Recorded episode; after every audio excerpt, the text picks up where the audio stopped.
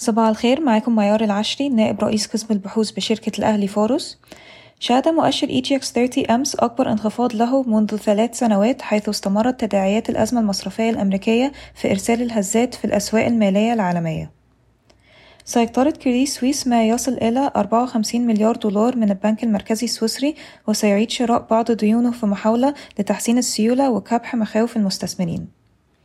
ستبدأ الحكومة في تسويق الشركات الحكومية للمستثمرين في إبريل ويمكن أن تضيف ثماني شركات أخرى إلى القائمة يعتزم الصندوق السيادي المصري عرض حصة تتراوح بين عشرة وعشرين في المية في شركة مصر للتأمين على المستثمرين الاستراتيجيين. تتوقع وزارة السياحة أن تستقبل مصر رقما قياسيا يصل إلى 15 مليون سائح في عام 2023 بزيادة قدرها 28% مقارنة ب 2022 أعلن الرئيس أن مصر ستضيف تلاتة ونص مليون فدان للأراضي الزراعية بحلول منتصف أو نهاية عام ألفين أربعة وعشرين. بلغ صافي ربح موبكو في الربع الرابع من 2022 2 مليار جنيه بارتفاع 66% على أساس ربع سنوي وارتفاع 6% على أساس سنوي ليصل صافي ربح العام إلى 7 مليار جنيه بزيادة 51% على أساس سنوي. افتتح الرئيس أمس مجمع جديد للأسمدة النيتروجينية بالعين السخنة. يضم المجمع حاليا ستة مصانع للأسمدة بطاقة إنتاجية سنوية تبلغ واحد فاصل سبعة مليون طن.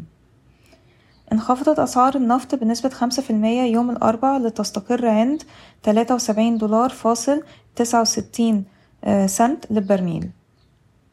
وقعت الحكومة أمس اتفاقيتين بقيمة واحد فاصل ستة مليار دولار مع تحالفين دوليين لتطوير محطات حاويات جديدة في مينائي العين السخنة والدخيلة. كشفت بيانات البنك المركزي المصري عن زيادة أصول البنوك إلى 11.4 تريليون جنيه بنهاية 2022 وسجل رؤوس أموال البنوك 303 مليار جنيه وبلغت الاحتياطات 437 مليار جنيه وسجلت المخصصات 256 مليار جنيه. تخطط هيلتون لتوسيع محفظتها من العقارات في مصر على مدى ثلاث لخمس سنوات القادمة إلى 27 فندق من 14 حاليا. شكرا ويوم سعيد.